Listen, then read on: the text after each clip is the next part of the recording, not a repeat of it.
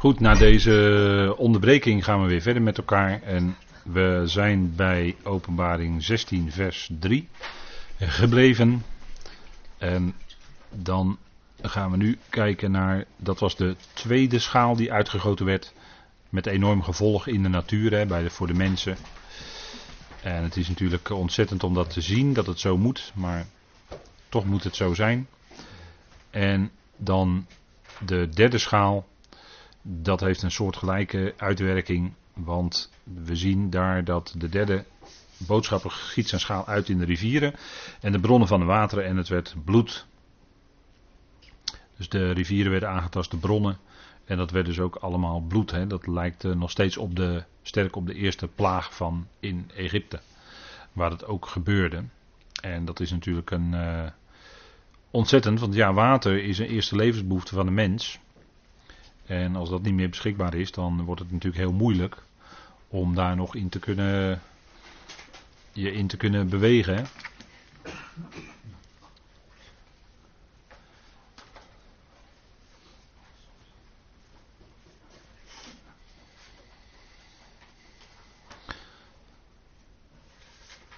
En dat leidt natuurlijk ook tot ziekten, en allerlei andere akelige en eventueel ook de dood. Hè? Want ja, als dat allemaal bloed wordt en er is geen goed water meer voorhanden. En het is op grote schaal en het zou wereldwijd zijn. Dan is het enorm natuurlijk, hè? de invloed daarvan. Maar goed, het is niet duidelijk helemaal of het nou echt helemaal dit wereldwijd is. Of dat het zich beperkt tot het Midden-Oosten. Dat, uh, dat laat ik even in het midden. Dus dat werd bloed, dus eenzelfde gericht als bij de tweede schaal. En dan staat daar in vers uh, eh, 5 tot en met 7. Daar spreekt de boodschapper van de wateren. Dus kennelijk, kennelijk uh, zijn daar boodschappers die dus een bepaalde macht hebben, een bepaalde iets onder hun aandacht hebben. En kennelijk is deze boodschapper dan die de wateren onder de aandacht heeft. Dus de wateren, soort waterbeheer van de wereld doet, om het zo maar te zeggen. dat is uh, een boodschapper, kennelijk, hè, want er staat hier, de boodschapper van de wateren spreekt. Dus u ziet dat, en misschien ook wel is een boodschapper van het land, van het droge land. Hè. Is misschien ook wel een boodschapper die daarover gaat, om het zo maar te zeggen. Dat zou zomaar kunnen. In ieder geval hebben we wel met deze op dit moment te maken. En die zegt dan: Rechtvaardig bent u, die is en die was, de goedgunstige, dat u deze richt. En deze is dan meervoud. En dat slaat dan natuurlijk op de mensen, hè, dat u deze mensen richt, want zij vergoten het bloed van de heiligen en profeten en u geeft hen bloed te drinken. Zelfs verdienen zij dat, of zelfs wat zij, zelfs dat verdienen zij. En hierin prijst de boodschapper dus God. En hij zegt: rechtvaardig bent u. Die is en die was. dus uh, degene die het gericht uitvoert is natuurlijk de Heer zelf, is Christus.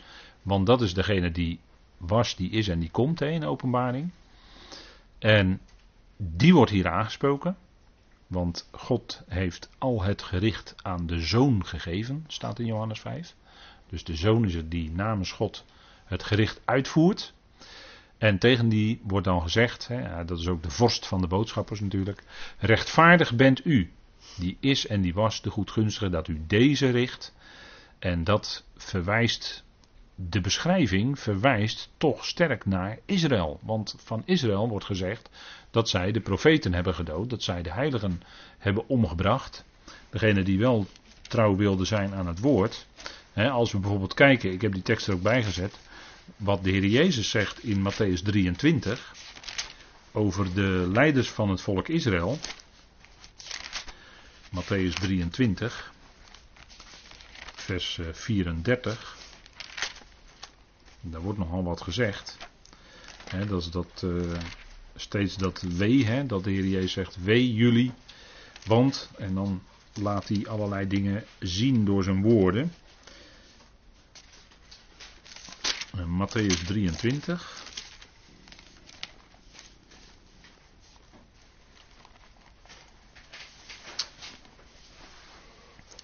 En dan lezen we even vanaf vers 32 en dan zegt de Heer Jezus dus tegen de leiders van het volk. Want dat hij tegen de leiders spreekt, dat blijkt bijvoorbeeld uit ehm, vers 23. Wee u schriftgeleerden en fariseeën huigelaars, Vers 24. Blinde leiders die de mug uitzift, maar de kameel doorslikt. Dus de, u weet wat die uitdrukking betekent. Hè? Ze, uh, gaven, ze volgden heel nauwgezet hele kleine dingen. Dat, dat, daar, dat, daar legden ze heel sterk de nadruk op. Terwijl hele grove dingen, die accepteerden ze gewoon. Grove dingen die niet kloppen, hè? dat accepteerden ze gewoon. Ze slikten gewoon een kameel door. Hè? Een grote grove zonde, dat werd gewoon door de vingers gezien. Terwijl ze hele kleine dingetjes, daar gingen ze juist een nadruk op leggen. Nou, dan kan je zien hoe scheef het was gegroeid. Vers 26. Blinde fariseer. Alsjeblieft. Dat zegt de Heer Jezus allemaal, hè? Wee u schriftgeleerden en fariseeën, huigelaars. Vers 27. Witgepleisterde graven, wat denkt u ervan? Nou, dat zegt de Heer Jezus allemaal. Hè? Hij kan het zeggen. Hè, maar toch, eh, als het gezegd moet worden, hier moest het gezegd worden. Dan zegt hij in vers 32. Maakt ook u dan de maat van uw vaderen vol. Slangen, gebroed. Hoe zou u aan de veroordeling van de Gehenna staat er. Hè? Hoe zou u aan de veroordeling van de Gehenna ontkomen? Hier hebben ze natuurlijk vertaald met hel, maar er staat natuurlijk Gehenna hier. Hè? En Gehenna is het dal Hinnom bij Jeruzalem. En uh, daar kun je nu gewoon rondlopen. Hebben wij ook gedaan toen we in Jeruzalem waren. Mooi park. Kan je gewoon lekker lopen. Even mooi, uh, prachtig veel groen. En uh, ze waren daar paarden toen aan het trainen. Politiemensen. Dus dan zag je zo'n paarden zo voorbij galopperen. Dat is de Gehenna. Heeft niks met de hel te maken, hè? Niks. Staat er ook niet. Staat Gehenna. Ze had het gewoon onvertaald moeten laten. Het is een eigen naam, hè? Het, is een, het is een naam van een gebied. En zoals ze het met anderen wel hebben gedaan, bijvoorbeeld de berg Karmel, laten ze wel onvertaald. En waarom hebben ze het Gehenna dan vertaald met hel? Dan heb je toch wat voor. Uh, dan heb je toch. Hè, dan heb je toch een bepaalde opzet of zo. Of hoor je dan ook bij die blinden die de Jezus hier aanspreekt? Hoor je daar dan ook bij? dat is heel ernstig hoor. Als je Gods woord op die manier gaat verdraaien, dat wordt hoog opgenomen hoor.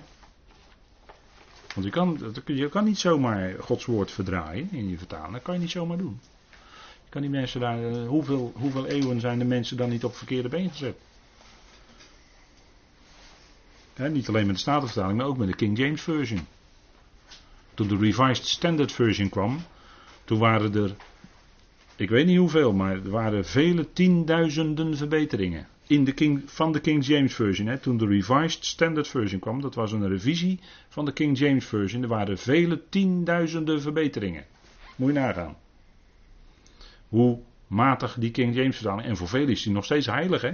King James Version, nee, dat is, uh, dat is de Bijbel. Dat is geïnspireerd en uh, zo praten ze erover. En sommige mensen praten ook zo over de Statenvertaling, helaas. Want het is een vertaling, het is niet de grondtekst. En dan moet je wel eerlijk de grondtekst vertalen, want dan, anders pleeg je echt. Uh, dan, beroof je, dan beroof je iets, hè? dan roof je iets weg. En hier hadden ze dus gewoon Gehenna moeten vertalen, want dat is wat er staat. Daarom zie ik zend profeten, wijzen en schriftgeleerden naar jullie toe. En van hen zullen jullie doden en kruisigen. En van hen zullen jullie geestelen in jullie synagogen. En je zullen hen vervolgen van stad tot stad. Opdat over jullie al het rechtvaardige bloed zal komen dat vergroot is op de aarde. Vanaf het bloed van de rechtvaardige Abel tot het bloed van Zacharia, de zoon van Berechia. Die jullie gedood hebben tussen de tempel en het altaar. Voorwaar ik zeg u, al deze dingen zullen komen over dit geslacht. Dus hier horen we de Heer hetzelfde zeggen als wat we hier in de openbaring lezen. Het bloed van de heiligen en de profeten. Dus deze bewoordingen doet heel sterk denken aan het gedrag van Israël tegenover de boodschappers die God naar zijn volk zond. Hoe hebben ze die, hoe hebben ze die profeten behandeld? Hè? En Jeremia bijvoorbeeld, vind ik altijd een sterk voorbeeld. omdat hij de waarheid zei, gooiden ze hem diep in een put. Maar hij zei de waarheid, hij zei hoe het zat. Nou, dat, dat is vaker gebeurd. Ze hebben ze gedood, hè. Eh, van hen zullen jullie geestelen in jullie synagogen. In, in de synagogen. Mensen geestelen. Hoe haal je het in je hoofd? En, en dat is wat de Heer hier zegt. En dat is wat je dan ook met zoveel woorden terugleest hier in Openbaring 16, waar de boodschapper zegt: U bent rechtvaardig. Dus God is rechtvaardig inderdaad als Hij richt. God doet recht. En dat is ook terecht. Hij zet, hij is bezig dan dingen recht te zetten. Want het is allemaal natuurlijk in onze tijd zo krom als een hoepel geworden. Ik had het daarnet al over verwarring, eindeloze verwarring op alle terreinen. En dat is omdat die tegenwerker natuurlijk overal zit te roeren en dat uh, bij de verlichting het licht uitgedaan is enzovoort. Maar dat, dat betekent dus dat alles op zijn kop is gezet. En nu gaat de Heer het recht zetten. En dat is terecht.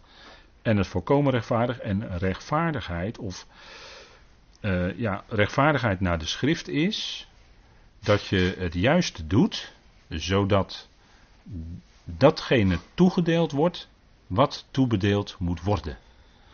En als dat toebedelen een gericht is, een ingrijpen van God, dan is dat dat God op dat moment volkomen rechtvaardig handelt, gelet op de omstandigheden. Want God is volkomen rechtvaardig in zichzelf.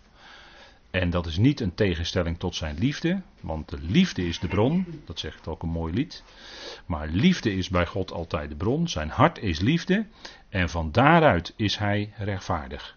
En van daaruit richt hij, maar daaronder zit zijn liefde. En je kunt dus niet zoals zondag 10 in de catechismus Gods rechtvaardiging en Gods rechtvaardigheid en Gods liefde tegen elkaar uitspelen. Dat kun je niet doen. Het is dan ook de catechismus en de schrift doet dat niet. Ik heb het nu alleen maar over de tradities die naast de schrift gekomen zijn. Dat spreek ik nu even aan. Hè. Het gaat me niet om kerkelijke mensen of wat dan ook. Die mensen die zijn allemaal te goede trouw. Daar heb ik helemaal geen kritiek op. Ik heb wel ook kritiek op tradities die naast de schrift gegeven zijn en die de schrift tegenspreken. Daar heb ik wel grote problemen mee en dat weet u van me. Als de toets van de schrift niet kan doorstaan, ja, dan blijft de schrift leidend en geldend en is die traditie dus mis en moet je het in de open haard gooien eigenlijk, vind ik. Maar kijk, de Heer is volkomen rechtvaardig als hij dit onder deze omstandigheden doet. Want alles is zo krom gegroeid. We leven nog steeds in de dag van de mens. Waarin God tegen de mens tot op zekere hoogte zegt: Mens, ga jij het zelf maar besturen. Ga je het even maar zelf tot op zekere hoogte. Hè? Ga jij het zelf maar uitzoeken. En we zien wat er van komt. als God dan zijn geest als het ware uh, terugtrekt, om het zo maar te zeggen, dan zie je wat er gaat gebeuren. Wat krijgt dan de overhand als God zijn geest terugtrekt bij de mensen? Wat krijgt dan de overhand? Gelaten brief, vlees, dan krijg je de werken van het vlees enzovoort. Dan komt dat allemaal naar boven, ook bij de mensheid.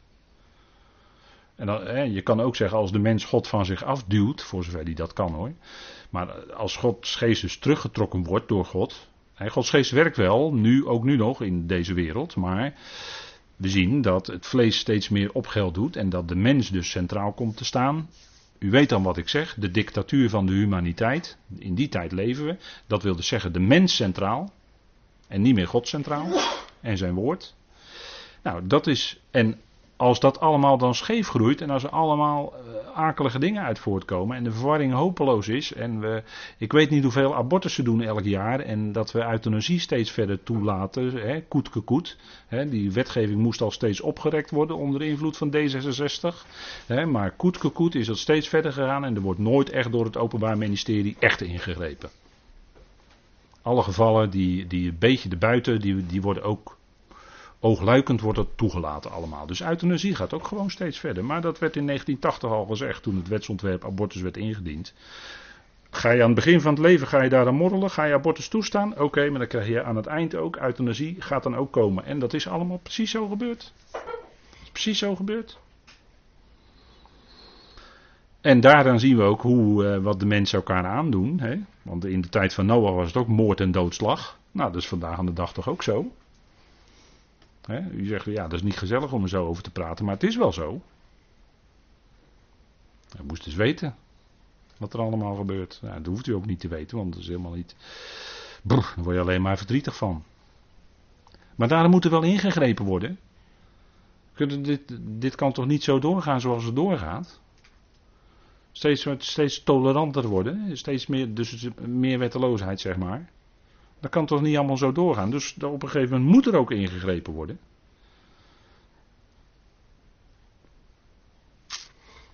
En dat is wat God doet. En daarin is hij volkomen rechtvaardig.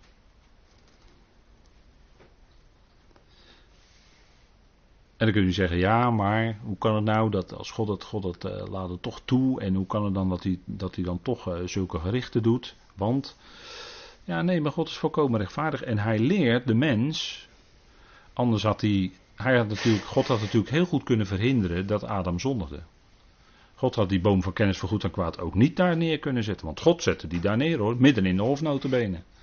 Hij had die boom van kennis ook niet daar neer kunnen zetten. En, en, uh, dan, dan, spreken ze over een proefgebod. Nou, dat is ook een verkeerde uitdrukking hoor. Want God wist al lang dat die mens gewoon van die boom zou eten. Dat zou hij gewoon doen. Ja, ik bedoel, uh, dat is wat ging gebeuren natuurlijk. En dat was helemaal precies de bedoeling. Dat was Gods plan. Dat die mens zou zondigen, dat was de bedoeling. En dan gaat God dus die mens ook, en andere schepsen, gaat hij dus leren door tegenstellingen. Hij gaat de mens ook leren wat het is als je zonder hem leeft en wat het enorme verschil is als je met hem leeft.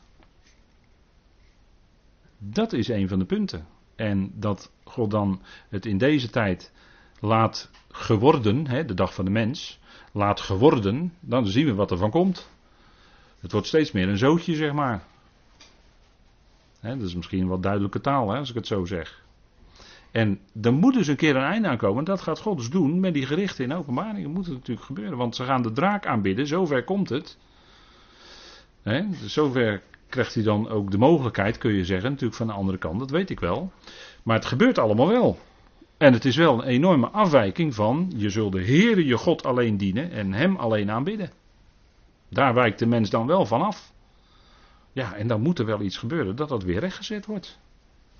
En dat God laat zien van, joh, zonder mij, kijk, kijk waar je uitkomt, zonder mij. Maar nou ga je die weg voortaan met mij. Met mijn liefde, met mijn genade, met mijn heerlijkheid.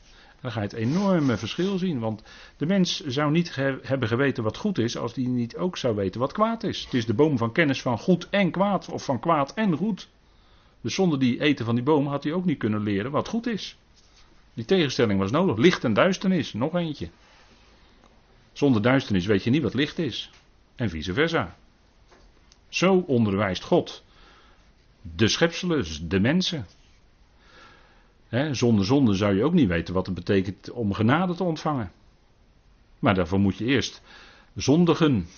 Ja, de mens is een sterveling, zo wordt hij geboren. Daar heb je ook niet voor kunnen kiezen, sinds Adam. Daar had je ook geen enkele invloed op.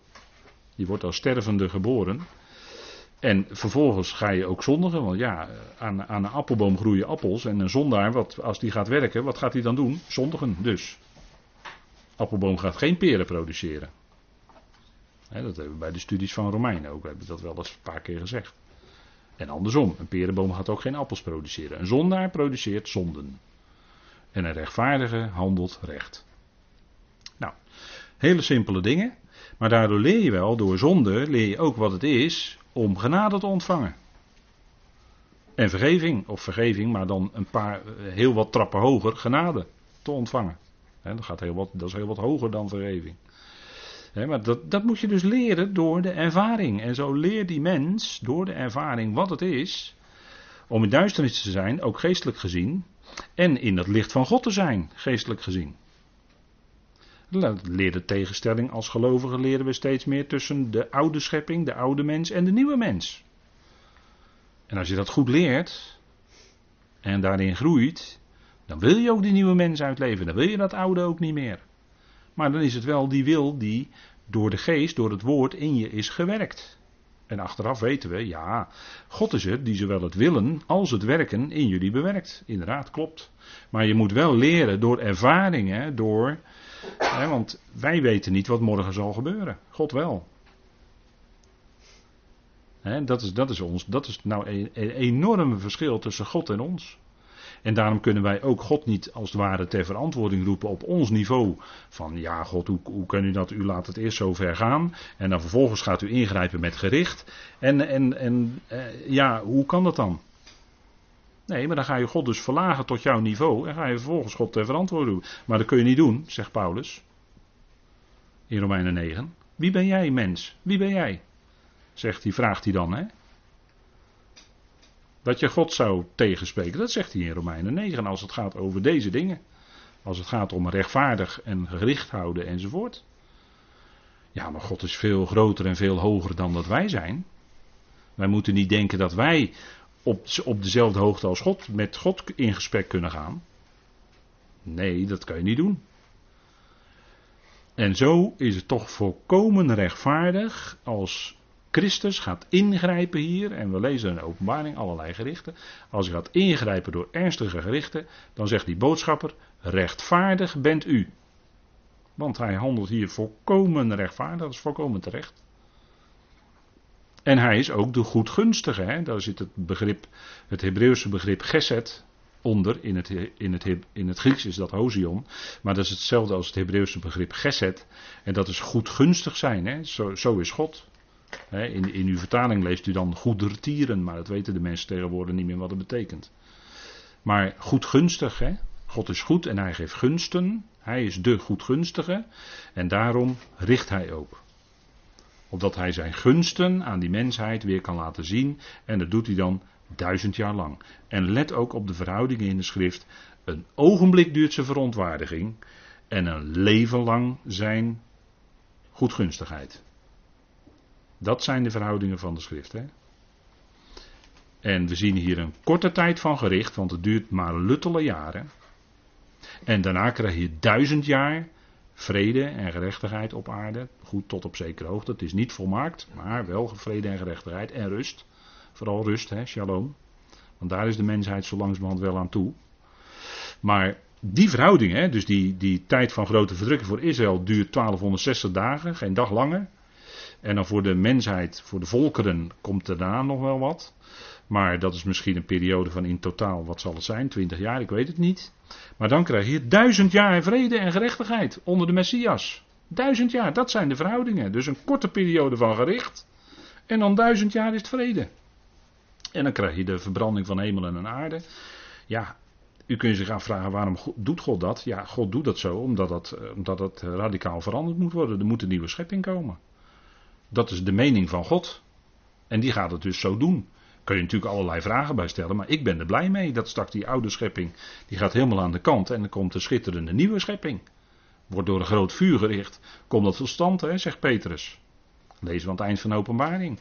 En er komt de grote witte troon, ja, er worden al die werken van de mens, die worden beoordeeld.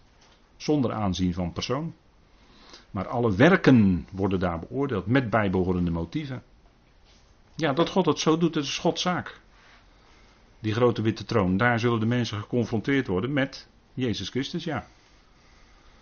En dan worden hun werken, hè, dan worden ze beoordeeld naar hun werken die zij gedaan hebben. Ja, dat is de weg die God gaat met de mens. Maar goed, de grote witte troon komen we nog in de studies uh, misschien nog op, over te spreken in de toekomst.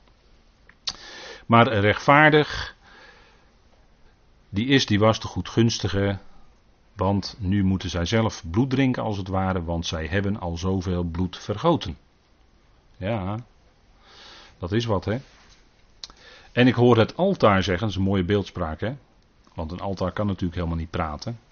Ik hoor het altaar zeggen, maar dat zijn eigenlijk de zielen van de martelaren onder het altaar. Uit openbaring 6, vers 9. U weet wel, het bloed wat roept van de aardbodem. Dat bloed dat spreekt, bloed kan natuurlijk niet letterlijk praten, maar het bloed spreekt wel van de aardbodem. En ook hier bij die martelaren, hun bloed is vergoten. En ik hoor het altaar zeggen, dus denk aan die dingen dan, hè, wat we weten uit de openbaring. Ja, Heer God Almachtig, waar en rechtvaardig zijn uw gerichten. Wordt er nog eens even een dikke streep onder gezet. Hè. Zijn gerichten zijn ook waar. Gods woord is de waarheid begon ik vanavond mee. Hè? Misschien wel een beetje fel. Maar als het om Gods woord gaat, ja, dan word ik bijna automatisch fel. Want het gaat om de waarheid van Gods woord. En die waarheid die is niet zomaar vrij verkrijgbaar. Of het is niet zo dat wij dan fundamentalisten worden of zo. Zo wordt er in de wereld wel over gesproken. Maar die waarheid staat boven ons, dat is Gods woord. Wij zeggen niet dat wij de waarheid in pacht hebben. Maar wij zeggen, dit is Gods woord, dit is de waarheid. Hier zijn we blij mee en dat willen we graag uitdragen. En daarin voelen we ons helemaal niet beter dan andere mensen of zo. En zijn we ook niet fundamentalistisch. Maar we zeggen, nee, kijk, Gods woord. Luister naar God. Die spreekt de waarheid. Ga daar naar luisteren, naar die boodschap. Dat is een geweldige boodschap, dat is geweldig goed nieuws. En, en dat is wat we graag. Kijk, en ja, er valt ook niet mee, ja, er, valt niet mee te marchanderen. Ik bedoel, als God zegt dat door één mens de veroordeling is gekomen tot alle mensen. En dat ook door één mens, door één rechtvaardige daad, het tot rechtvaardiging komt voor alle mensen. Ja, sorry, maar dat is een mededeling. Daar kunnen we het mee doen. Daar zijn we heel blij mee. Maar dat is een mededeling en dat valt verder niet aan. Het gaat twee keer over alle mensen. Niet over alle mensen die geloven. Het staat er ook niet. Staat er niet. Staat twee keer alle mensen. Dus dat is gewoon heel duidelijk. Al die mensen die onder die veroordeling kwamen sinds Adam, zullen ook gerechtvaardigd worden door die ene rechtvaardige daad van Christus. Geldt ook voor diezelfde alle mensen. Dat, dat is wat er staat. En daar valt verder, ja, daar kun je over discussiëren wat je wil. Maar dat, dat is het, dat is de waarheid. En dat staat ook in, in Korinthe en, en eh, je kan zo een heleboel dingen noemen. Wat gezegd wordt over alle mensen. Dat is gewoon het evangelie. Dat is gewoon de, de uitwerking van het evangelie. Het geweldige evangelie dat Jezus Christus gestorven is naar de schriften, begraven werd en opgewekt is op de derde dag na de schriften. Dat is het evangelie. En dat heeft een geweldige uitwerking. Een uitwerking naar de hele schepping toe, naar alle mensen toe. Ja, dat is natuurlijk uh, dat is zo waar als ik weet niet wat. Al het andere is allemaal humbug en, en uh, is dus ook leugen. Ja, dat is de consequentie ervan natuurlijk. Hè. Dat is natuurlijk wel zo. Maar Heer God Almachtig, Hij is de Pantocrator, dat wil zeggen, Hij is de Almachtige. Hij heeft alle macht om al wat Hij gezegd heeft ook te doen, betekent dat. Hij heeft alle macht als hij zegt dat ga ik doen, dan heeft hij ook die macht om het te doen en dat doet hij ook. Dat is de almacht van God. En hij is almachtig in zijn liefde, hè? altijd. Dat is de bron. Rechtvaardig is hij in zijn liefde. Hij richt vanuit zijn liefde. Almachtig. Ik heb het hier ook op de. En het Hebreeuwse begrip is natuurlijk dat prachtige Al Shaddai, hè? wat we laatst weer hebben gehoord. Al Shaddai, de algenoegzame is dat. Hè? En dan zegt hij tegen Abraham, zegt hij, wandel voor mijn aangezicht. Prachtig, uh, prachtig Hebreeuws uh, woord hoor. En de vierde boodschapper schoot, zijn schaal uit op de zon. En dan komt er een enorme hitte. dat is wat hier in het gericht gebeurt. Hij goot zijn schaal uit op de zon en het was hem gegeven om te doen branden. Om te doen branden de mensen in vuur. Dat is precies de volgorde in het Grieks is misschien een beetje, beetje niet helemaal goed lopend Nederlands, maar ik heb het even op die manier willen aangeven voor u. En dat is uh, niet omdat wij met z'n allen zoveel CO2 uitstoten, maar dat is omdat die vierde boodschapper zijn schaal uitgiet. Daarom wordt het hier heel erg warm. Heel erg warm zelfs. Hè? De enorme hitte. Alsof je in een woestijn en dan gaat de grond ook scheuren en zo. Dan wordt het allemaal droog. En dat, dan komt er van alles. Uh, dan komt er van alles. Hè? En dat is. Uh, moeilijk. De mensen. En verbrand worden de mensen met grote hitte, staat er. dan ga je niet meer eh, gezellig in het zonnetje zitten hoor, buiten. Maar dan wordt het heel wat anders. En zij lasteren de naam van God. Hè? Dus ze weten wel degelijk dat het iets. Ja, dit, dit moet van God afkomstig zijn. En dan weten ze wel degelijk dat het gaat om de God van de Bijbel hoor, op dat moment. De God van Israël. Dat weten ze dan wel hoor. En er staat er ook. En zij lasteren de naam van God, die de jurisdictie of de volmacht heeft over deze plagen. dus hij heeft volledig alles in zijn hand. Hij heeft ook de volmacht over dit, wat dan gebeurt. Dat is natuurlijk ontzettend, hè, wat er dan gebeurt. en er zijn natuurlijk al eerder uh, in periodes dat er veel hitte kwam en aan de zon. En er zijn natuurlijk de, in de afgelopen tientallen jaren allerlei voorspellingen van mensen geweest. En die betrokken dan gelijk dit uit openbaring erbij. Weet je wel, als het heel heet werd. Maar ja, dat is natuurlijk allemaal helemaal niet aan de orde. Het is nog allemaal toekomst. Dan kan je niet zomaar. Uh, of als er aan het verschijnselen zijn aan hemellichamen, dat de sterren in, in conjunctie staat met andere sterren. En dan zeggen ze al gelijk dat dan de laatste jaarweek gaat aanbreken en zo. Dat zijn allemaal van die, van die uh, humbug verhalen van YouTube. En daar kan je ontzettend mee, jezelf mee onrustig maken. Maar elke keer dan noemen ze een datum en elke keer gaat die datum voorbij. Gek hè? Gek hè? Waarom? Dat is omdat de gemeente hier nog steeds op aarde is.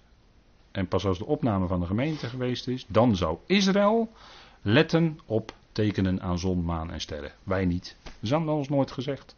Wij zien uit naar Hem. Wij zien uit naar de komst van Christus die voor ons komt als redder. Dat is ook het gedeelte waar in Filippenzen 3 waar we nu mee bezig zijn. Dat is ons uitzicht, daar kijken we naar uit. En we zouden niet zo letten op al die YouTube-filmpjes en al die boeken die geschreven worden. Daar moet je ook een paar tientjes voor aftikken. En wat dan vervolgens niet blijkt te kloppen, en dan kan je het boek weer in de kliko doen. En dat soort dingen allemaal. Dat vind ik ook allemaal jammer van uw geld. U kunt veel beter gewoon luisteren naar Gods woord, die lijn volgen. En dan is het uitzicht wat we mogen hebben, is heerlijkheid als Hij komt als redder bij de bazuin. Dat is ons uitzicht wat we hebben. Daar zien we naar uit. En we zouden niet zoveel letten op al die dingen die maar geroepen worden. Bloedmanen, oh, dat laatst ook, hè? Bloedmaan, s om kwart over zes. Bloedmaan, ja. Maar goed, het heeft verder niks te maken met, uh, met ons of zo hoor. Het is gewoon een natuurverschijnsel. Maar een leuk gezicht, maar verder niks. Het heeft verder niks om lijf. Over vier, in 2023 is er weer een. Ik kan gelijk een voorspelling doen. In 2023 is er weer een, zo'n bloedmaan. Kunnen we weer kijken. Even een fotootje maken of zo met je smartphone. Nou, mensen zijn vaak afhankelijk van omstandigheden. Hè? Kijk, hier zijn de omstandigheden grote hitte. En wat gaat de mens dan doen? Dan gaat hij God lasteren. Gaat zich niet, nog niet afvragen. Uh, zou dat soms te maken kunnen hebben met hoe wij hier met z'n allen er een zootje van maken. Zouden we daar niet mee te maken kunnen hebben? Dat gaan ze dan nog niet bedenken. Maar dat besef gaat langzamerhand dan wel meer doordringen. Maar nu nog niet. dat is ook hier. En zij keerden niet om en gingen niet nadenken. Want bekeren is in het Grieks het woord nadenken. Hè? Metanoeo. dat is nagaan denken. Naar aanleiding van. Om hem heerlijkheid te geven. Nee, in tegendeel, ze gaan eerder God lasteren want ze willen hun leventje zoals ze dat leiden naar het vlees, willen ze graag voortzetten. Ja, en er komt nu toch een beetje een kreuk in. Komt toch een beetje. Gaat toch niet meer zoals ze willen. Gaat toch allemaal niet meer zo van een leien dakje, dat vlees. En dan gaan ze God lasteren in plaats van hem heerlijkheid te geven. In plaats van hun knieën echt voor hem te buigen en hem heerlijkheid te geven. Dat is wat je keer op keer ook in openbaring leest. Ontzettend hoe hard dan die mensheid is. Hard met een D bedoel ik dan hoe hard die mensheid is tegenover God. Dat ze zich niet omkeren terwijl God laat zien, ik ben aan het ingrijpen en daar wil ik natuurlijk iets mee zeggen. Maar ze keren zich niet om. Ze gaan niet echt nadenken nog. En dat is wat de mensen zouden doen. Maar dat was toch ook in de tijd van Egypte, want die volgende is ook dat het heel donker wordt. Dan wordt het heel donker. De vijfde giet zijn schaal uit op de troon van het wilde beest. En zijn koninkrijk werd donker of duister en zij kouden op hun tong.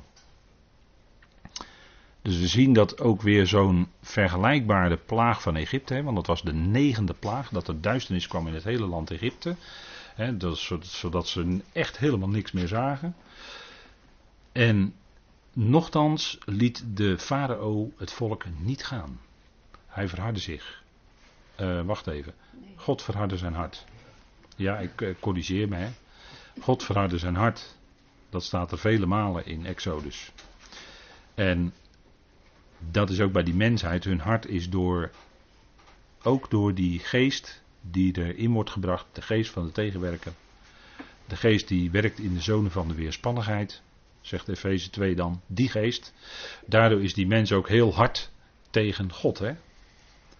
En willen ze zich niet omkeren van hun gedrag. Ze gaan gewoon door. We hebben eerder in de openbaring gelezen dat ze doorgingen met hun toverijen, met hun hoererijen, met hun weet ik wat allemaal. Dan gaan ze dan gewoon mee door. Hè? Ondanks dat God aan die mensheid rammelt van ik ben aan het ingrijpen, keer je om. Maar dat doen ze niet. En dan wordt het dus heel donker, ook in dat rijk van het beest, hè, de troon van het wilde beest. Wordt helemaal gehuld. En hoe tekenend is dat, hè? Hoe, want daar gaat natuurlijk een enorme duisternis van uit. En dat laat God dan even zien. Het werd donker, het werd duister. En dat is ook wat de mens, als de mens zich uh, bewust, en dat uh, schrijft Romeinen 1 over, als de mens zich uh, bewust niet God wil erkennen als God, dat er dan, dan staat er ook dat het duister is geworden in hun onverstandig hart, zegt Romeinen 1. Hè? Dat zij God niet als God erkennen, als de, als de beschikker, als de onderschikker. Zij lasten de God, de God van de hemel voor hun ellendigheden en om hun zweren. Dus dat van die zweren gaat kennelijk nog gewoon door. En zij bekeerden zich niet van hun werken. Ziet het? Al die dingen waar ze mee bezig zijn. Daar bekeerden ze, keerden zich daar niet van om. Hè? Openbaring 16 zien we dus opnieuw. Hè? Ondanks dat er ingreep komt, enorme duisternis. En dan groeit er niet veel hoor. Ja, wat wel, wat wel tot stand komt is werken van de duisternis, maar er groeit geen vrucht van het licht dan. Zij lasten de God van de hemel en zij bekeerden zich niet van hun werken. Een enorme, enorme constatering, hè? opnieuw hier in de openbaring. dat is toch heel wat. Dat is heel wat wat er gaat komen. Ze, werden, ze, worden dan gekweld. Hè? Ik heb hier foto, deze dia is van Sisyphus. Moet je maar eens opzoeken. Komt uit de Griekse mythologie. Een Sisyphus-kwelling. Moet je maar eens opzoeken wat het is. En dan komt de zesde boodschapper. En die giet zijn schaal uit op de grote rivier de Uifraat. En het water ervan droogde op, zodat de weg voor de koning van het oosten gereed zou zijn. Dus dit moeten we ook weer letterlijk nemen. Dus die rivier gaat opdrogen. En dat is een hele belangrijke rivier die ergens in Turkije begint in dat gebergte van Turkije en voor een deel door Syrië loopt en dus in het huidige Irak. Dus dat is een bekende waterweg. En daar ligt ook Babel aan. Hè? Babel is natuurlijk ook afhankelijk voor een groot deel van de Uifraat. Maar die uh, rivier die was er natuurlijk al in, uh, in den beginnen, bij Adam en Eva, in de hof. Maar die rivier de Uifraat, die daar uh, vroeger lag Babylon geloof ik aan twee delen. Of aan beide oevers. En maar dat water van de rivier gaat opdrogen, zodat de koningen van het oosten, wie dat dan ook maar mogen zijn, daar kun je natuurlijk dingen gaan invullen. Je kan het in gaan vullen mm, Iran misschien, Perzië. Je kan invullen uh, uit India of uit uh, China. Of het land van de reizende zon, hè, Japan. Dan ben je nog verder naar het oosten. Dat zou allemaal kunnen. Dat ze zich misschien verzamelen, een, een soort verbond gaan sluiten, Aziatisch verbond. En dat ze dan in die tijd gaan optrekken naar, uh, naar uh, Jeruzalem. Dat zou kunnen. Want als de rivier is opgedroogd, ja, dan, uh, dan kun je natuurlijk makkelijk door marcheren met je soldaten. En dan ga je richting Jeruzalem. Dat is heel goed mogelijk. Dat is wat dan in die tijd gaat gebeuren. Hè? En er zijn nu wel eens allerlei wat verwikkelingen rond die Uifraat. Maar ja, ook daarvan kun je natuurlijk heel erg denken van, oh wat gaat er nu allemaal gebeuren. Maar dit in openbaring 16 gaat dan pas gebeuren. Dus stellen die Uifraat opdroogt, dat is niet nu. Dat gaan wij niet zien dus. Ondanks dat er iemand in Turkije zit die heel veel macht heeft en um, af en toe wat grote mond heeft en zo. Hè, maar uh, die Uifraat gaat niet opdrogen. Dat gaat dan pas gebeuren. En dan als laatste voor vanavond. Uit de mond, en ik zag uit de mond van de draak, dus dus allemaal bij dat zesde boodschapper hè, die uh, zijn schaal uitgiet. Uit de mond van de draak. En uit de mond van het wilde beest. En uit de mond van de valse profeet. Drie onreine geesten. Alsof het kikkers zijn. Alsof, hè, let op het woordje alsof. Zo zag het er misschien uit voor Johannes. Maar hij schreef er ook bij, want het zijn geesten van demonen, tekenen doende. Dus demonen kunnen tekenen en wonderen doen, kennelijk in ieder geval in de eindtijd hebben we al gezien dat die valse profeet dat ook doet, hè? openbaring 13. Leest u het maar na. Dat doet de valse profeet ook. Tekenen, slash wonderen. En dan gaan ze erachteraan. En hier ook demonen kunnen dat kennelijk ook, bepaalde demonen. Die doen tekenen. En die gaan uit naar de koningen van de hele bewoonde, van de hele bewoonde. En dan kunt u achterdenken aarde. maar dat staat er niet letterlijk, om ze te mobiliseren voor de strijd van de grote dag van God de Almachtige. Dus ze worden gemobiliseerd, komen. En dan worden ze verzameld bij Armageddon. En daar gaan we dan de volgende keer wel op in. Maar dit, die schaal wordt dus uitgegoten, dus je ziet, het gaat zich toespitsen. Drie grote onreine geesten, geesten van demonen en de koningen van de aarde worden gemobiliseerd voor de grote eindstrijd van deze boze, derde boze aion. De grote dag van God de Almachtige. En dan gaat er nog heel wat gebeuren natuurlijk. Maar goed, daarover gaan we dan de volgende keer met elkaar weer verder. Goed, zullen wij afsluiten met het dankgebed. Vader, dank u wel dat we ook als we deze gerichten zien, beseffen dat het in uw hand is uiteindelijk. En dat u ook de juiste maat erbij weet te houden. Vader, dank u wel dat u ook als u richt, dat doet ten diepste vanuit uw liefde. Om de dingen recht te zetten, te herstellen voor de mensen. En ook de dingen gereed te maken voor dat koninkrijk van de Messias. Dank u wel dat uw zoon, onze Heer Christus Jezus, zal komen en zijn voeten zal zetten op de Olijfberg op het juiste moment. Vader, en daartoe moeten deze gerichten plaatsvinden. Het is ontzettend wat we lezen. Maar dank u wel dat wij mogen uitzien naar die eerdere ontmoeting die wij met Hem zullen hebben in de lucht.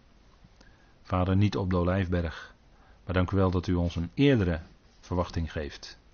En dat we Hem zullen ontmoeten en dan dat heerlijkheidslichaam ontvangen, wat gelijkvormig is aan Zijn heerlijkheid, Vader. Dat is enorm dat u ons dat schenkt en dat is genade. Vader, daar willen we u voor danken, loven en prijzen. Het is genade dat u ons dat schenkt, Vader, en dat we mogen uitzien naar die zoon die al komt als redder. Zodat we allemaal omgezet worden en veranderd worden om aangepast te zijn aan die omgeving waar wij straks zullen zijn. Vader, dank u wel dat u ons dat uitzicht geeft.